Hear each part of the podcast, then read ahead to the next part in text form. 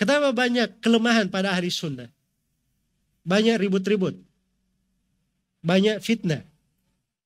Iya, istilah sebagai orang banyak tahdir mentahdir. Iya.